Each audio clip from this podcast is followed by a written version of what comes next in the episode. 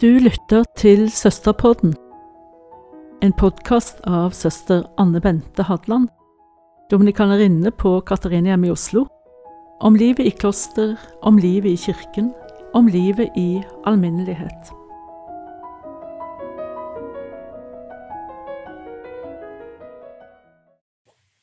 Det annet Vatikankonsil er stadig aktuelt. I hvert fall diskuteres intensjonene med det stadig vekk. Og Et av de dokumentene som er mest omdiskutert, er jo faktisk det dokumentet vi har tenkt å se litt på i dag, nemlig dokumentet om liturgien, Sacrosanctum Concilium. Eh, og det ble ikke minst, altså Liturgireformen etter det andre Vatikankonsil var jo det stedet hvor folk flest, lekfolk i alminnelighet, merket konsilet best, vil jeg si. For kirkerommet ble forandret. Eh, vi fikk, i alle fall i St. Svithun i Stavanger, hvor jeg vokste opp, så fikk vi plutselig et provisorisk alter og en provisorisk lesepult. og Knelebenkene ved alterpartiet ble fjernet, og alt som skapte helhet i kirkerommet, forsvant på en måte. I et forsøk selvfølgelig på å øh, øve seg opp i å feire messen annerledes enn man hadde gjort før. Det var jo en, en, prøvelsens tid og en prøvetid på mange måter. Og, og resultatet er eh, Den nye Novos Ordo altså er, jo ikke, er jo ikke noe dårlig resultat. På ingen måte. Den kan, messen kan feires svært verdig og, og, fint, den også. At noen samlet, savnet den gamle messen, er jo også helt, helt klart. Og både Paul 6. og Johannes Paul 2. tillot feiring av den gamle messen, eller den trinitinske messen. Benedikt 16 åpnet fullstendig for feiring av den. altså lot, Overlot det til den enkelte prest. Hvis han ønsket å feire den, så skulle han gjøre det. kunne han gjøre det. Nå har eh, pave Frans i sommer med sitt dokument eh, 'Tradisjones Costores' gått langt i å avskaffe feiringen av den gamle messen. Dvs. Si, i hvert fall begrense det veldig sterkt. Og dette jo har jo skapt ganske store reaksjoner. Men hva, hva sier egentlig uh, Det annet Vatikankonsil om liturgireformen? Pater Fredrik? Det er et, uh, et paradoks at uh, Det annet Vatikankonsil om, om liturgien er, er blitt det, det, store debattemaet og det, det mest kontroversielle Eh, fra eh, eller noe av det mest kontroversielle fra eh, konsilet. Fordi Sacrosanctum Concilium, denne konstitusjonen om den hellige liturgi, var det første dokument som konsilet utga. Etter ett år med arbeid, og til sammenligning med andre dokumenter, etter mindre diskusjoner blant konsilfedrene. Det er også interessant å merke seg at dette navnet dokumentet er blitt kjent under Sacrosanctum Concilium, som er de første eh, ordene, altså de innledende ordene i teksten, er også åpningen på eh, konsilets budskap i de mange dokumentene til kirken og verden. Fordi eh, dokumentet åpner med at dette hellige kirkemøtet, Sacrosanctum Concilium, setter seg som mål å fremme de troendes kristenliv. Og Det er på en måte inngangsporten i dette dokumentet. Fordi Ser man Sacrosanctum Concilium som en helhet, så er det to store linjer å, å merke seg.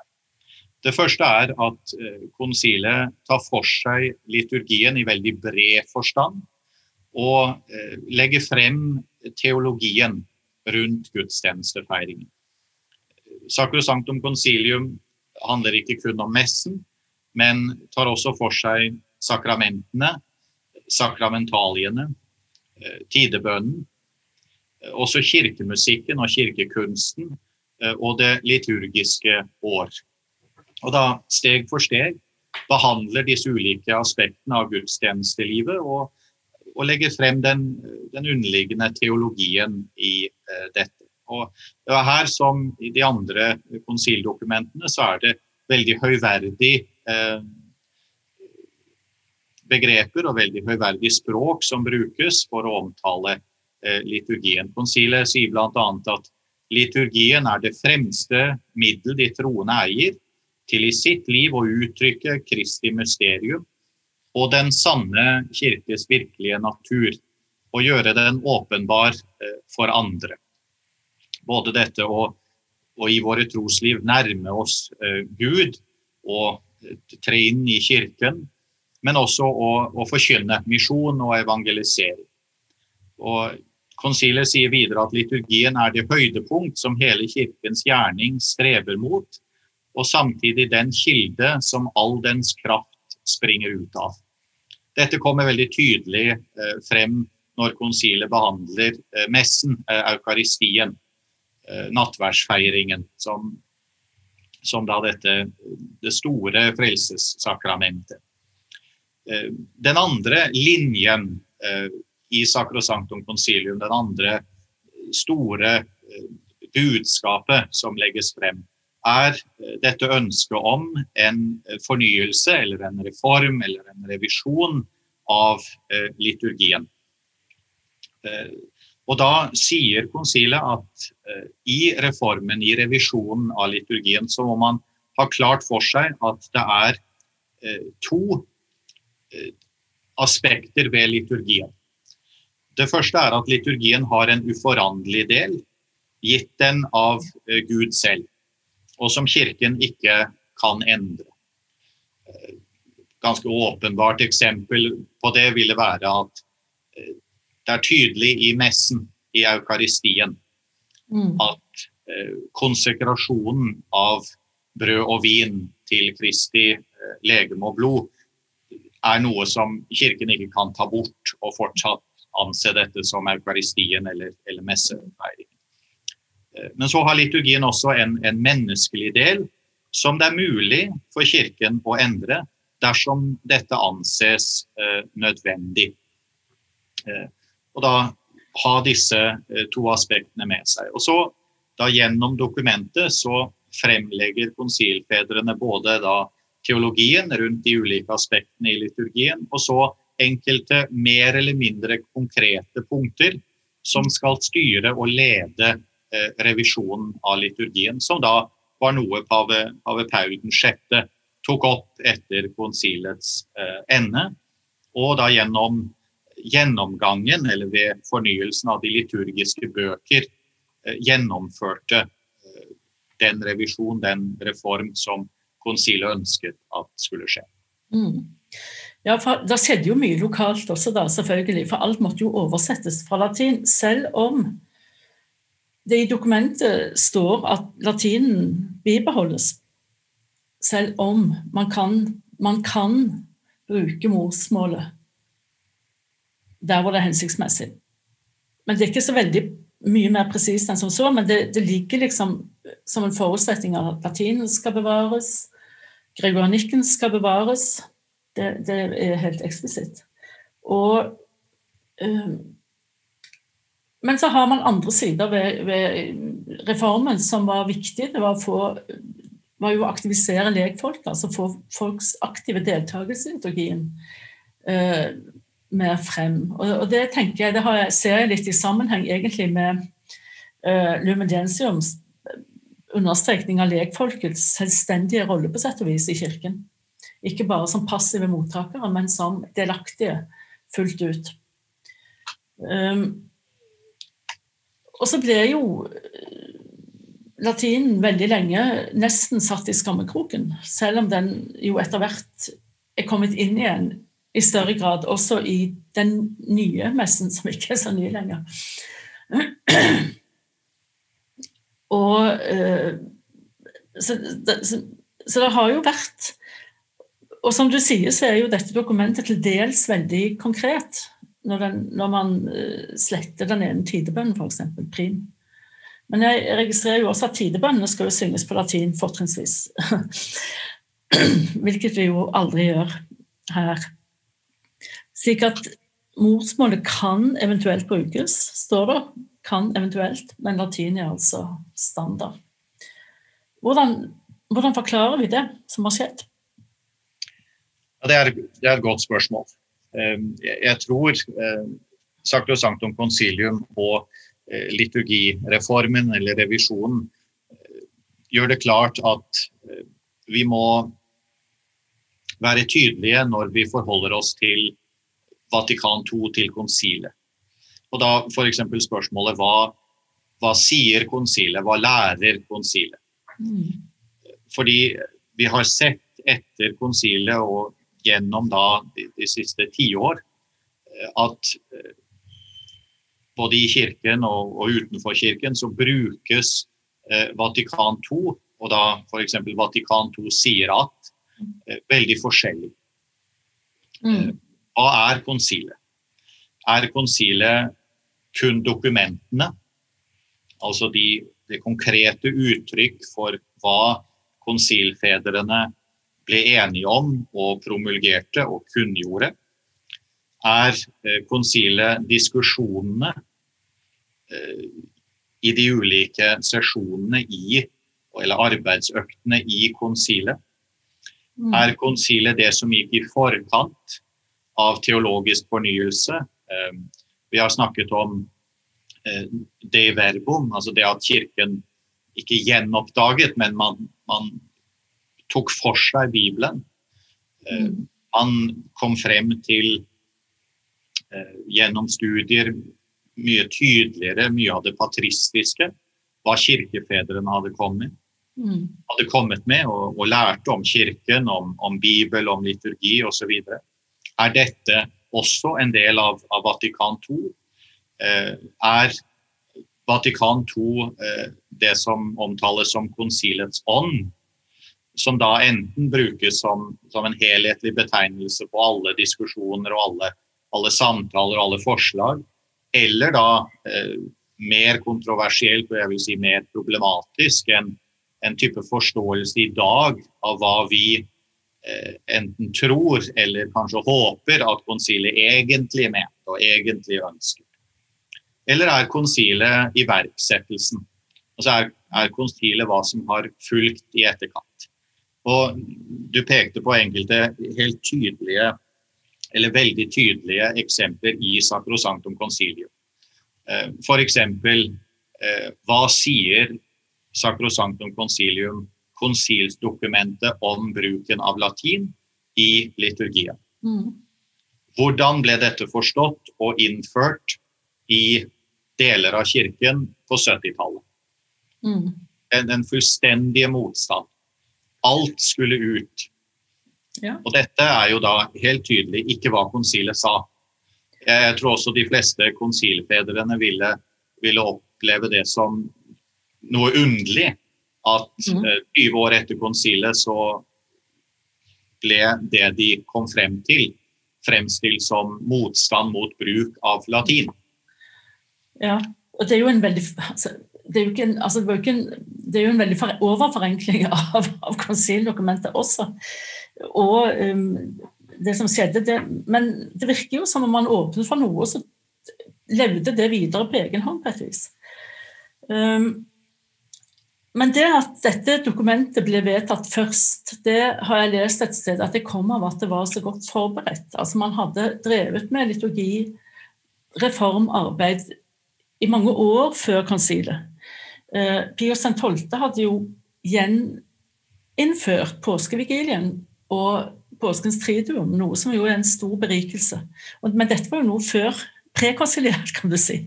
Altså Som var kommet inn i, i messeboken av 62 også. Um, og det at man har en større utvalg av bibeltekster enn før, er jo også en, en god ting. Um, men så får, er det jo et par ting i, i Sacrosanctum Concilium som jeg har merket meg med, og som jeg liker veldig godt. Det må jeg også si. Dette at understrekningen av det eskatologiske perspektivet ved messen. Altså at dette er en foregripelse av det som skal skje i himmelen en gang.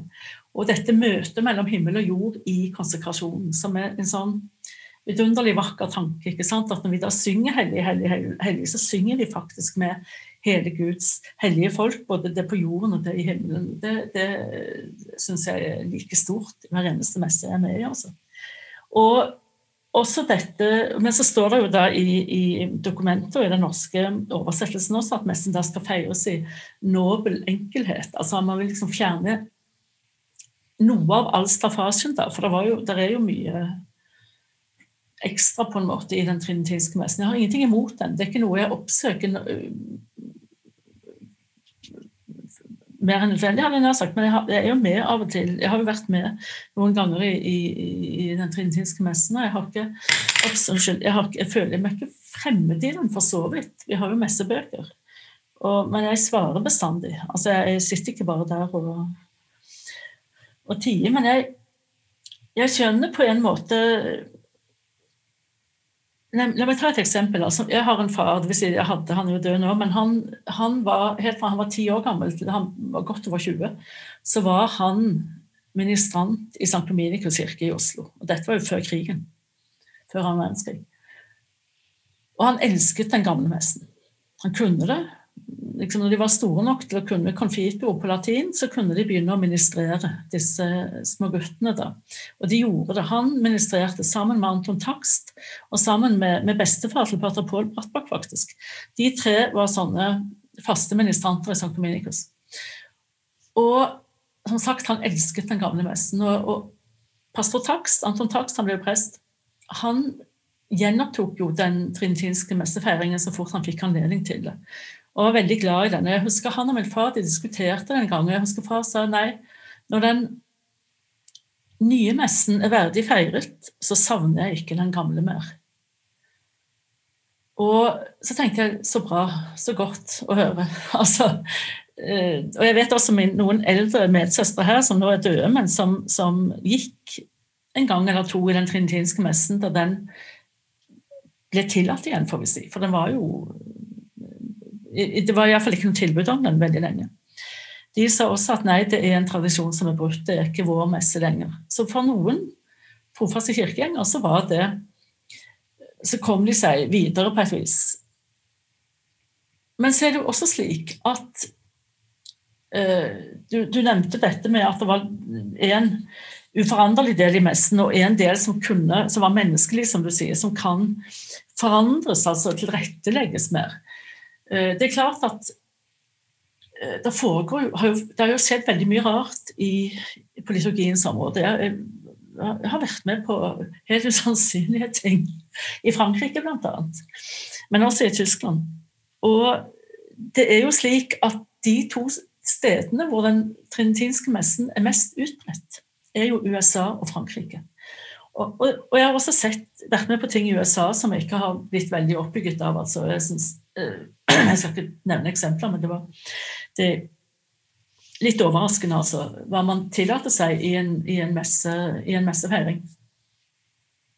Men øh, så tenker jeg Det er kanskje ikke så rart. Altså De mest ekstreme ting jeg har vært med på i den nye messefeiringen, da, de, de har nettopp vært i USA og i Frankrike.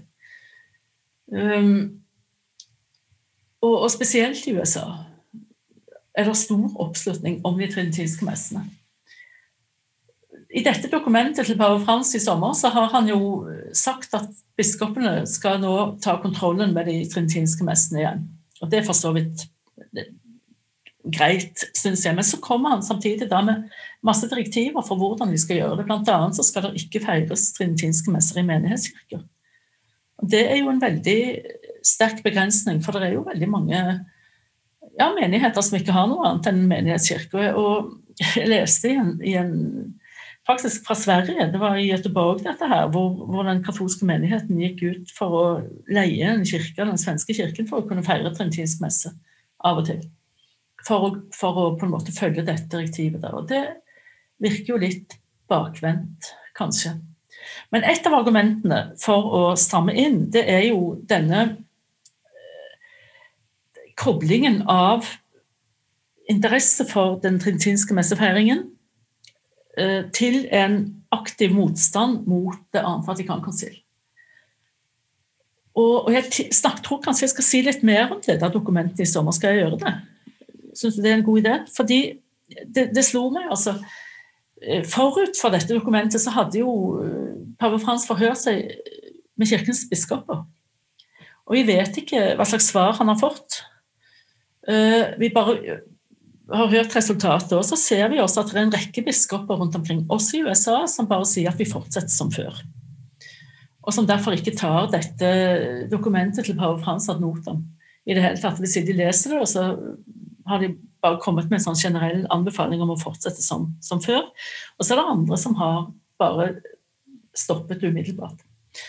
Så har jeg lest bl.a. et par biskopers kommentarer også, som sier at de skjønner egentlig ikke helt hva som er poenget med pavens eh, dokument. Fordi dette det er et meget marginalt fenomen. Hele det trintinske messemiljøet er jo, er jo marginalt i utgangspunktet. Eh, og blant dem så er det et ganske lite mindretall som langt, går langt i retning av å ikke ville anerkjenne Vatikankonsil, eller i hvert fall ikke ville anerkjenne utlegningen av det. Eh, men de er veldig få. Og, så tenker jeg, og, og Samtidig så ser vi altså at disse messene trekker mange folk. Jeg leste nettopp i dag at, at erkebiskopen av Paris og Petit han har nå, for å iverksette dette direktivet fra Roma, da, så har han um, redusert antallet messesteder i Paris for den trinitinske messen. Altså Der har de hatt tolv kirker hver søndag som har tilbudt den trinitinske messen, og det er nå redusert til fem. Um, jeg men det vet ikke noe om oppslutningen om disse messene, men sånn generelt, på generell basis så er det jo veldig god oppslutning om de messene, og ikke minst unge mennesker. Familier. Og som en kommentator sa, de som går der, de vil jo bare ha en, en katolsk messe.